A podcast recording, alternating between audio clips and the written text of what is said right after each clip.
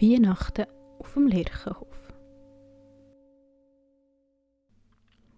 Heute sind Ida, der Finn, der Frederik, der Henry und Mia schon morgen beim Aufstehen ganz aufgeregt gewesen. Nach dem Mittag dürfen die fünf Kinder nämlich alle mit dem Grossi zusammen auf Bern. Aber dann nicht jemand zum Lädeln oder Weihnachtsgeschenk posten, nein, nein. Das Grossi geht mit dem Frederik, dem Henry, dem Finn, der Ida oder Mia auf Bern zum Märli-Tram. Zuerst müssen sie aber mit dem Postauto am Bahnhof runterfahren. Und dann steigen sie noch um und fahren mit einem orangigen Zügel weiter. Und bei jeder Haltestelle fragt Mia ganz ungeduldig, steigen wir da aus? Aber das Grosse erklärt jedes Mal, nein, nein, wir müssen bis Bern bleiben sitzen.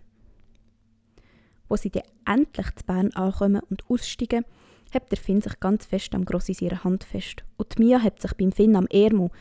Es hat nämlich sehr viele Leute am Bahnhof und in den Unterführungen, wo alle durcheinander stapfen und weder links noch rechts schauen. Mehr als einmal kommt es vor, dass der Finn oder die Mia fast umgeschossen werden von jemandem, der es ganz brisant hat und eben durchjuffelt oder sie überholen will.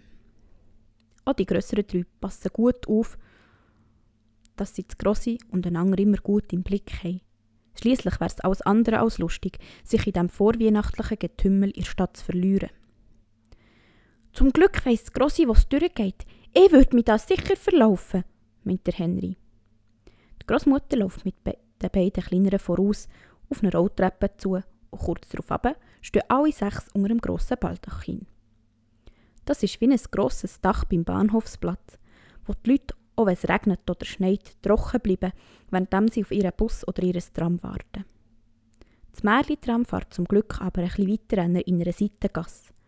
Unter dem Baldachin ist nämlich auch noch einmal ein richtiger Menschenauflauf, wie der Finn so schön sagt. Von weitem sieht man an der Haltestelle vom Märli-Tram schon ein paar aufgeregte Kinder und Mamis und Papis mit und ohne Kinderwegen am Warten.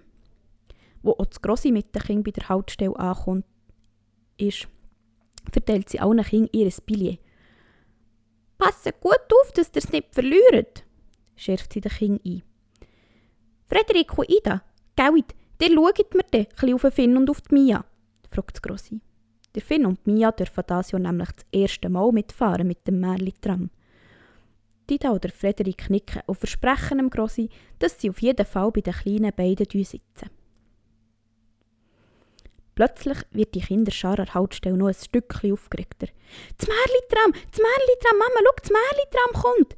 ruft das Kind neben Henry. Und auch die fünf Kinder vom Zelli und vom Lerchenhof strecken ihre Köpfe in die Höhe, damit auch sie möglichst etwas vom Tram sehen können, das langsam näher kommt. Es ist aussen ganz dunkelblau und hat grosse, goldige Sterne draufgeklebt. Als endlich der Haltestelle ankommt und angehalten hat, steigen zuerst ganz viele andere Kinder aus. Die haben ihre Fahrt im Märli-Tram schon vorbei und werden jetzt von ihren Mamis, Papis oder Grosseltern in Empfang genommen. Wo alle Kinder ausgestiegen sind, steht eine Frau in einem schönen, goldigen Kleid mit Flügel auf dem Rücken vor die eine Tür und fragt mit lieber Stimme, Wer von euch möchte gerne eine Runde mit dem Märli-Tram mitfahren?